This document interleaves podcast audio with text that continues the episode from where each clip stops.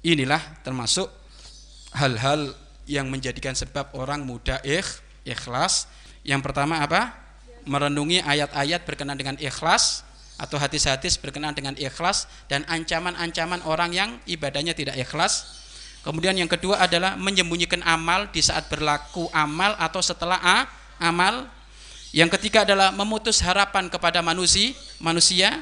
Dan yang keempat adalah melatih diri dan berjuang di dalam ikh, ikhlas. Yang kelima minta kepada Allah biar dibimbing untuk ikh, ikhlas. Yang keenam kumpul atau cinta dengan orang-orang soleh yang ikhlas dan juga yang ke tujuh merasa cukup hanya ingin dilihat oleh Allah Subhanahu wa taala.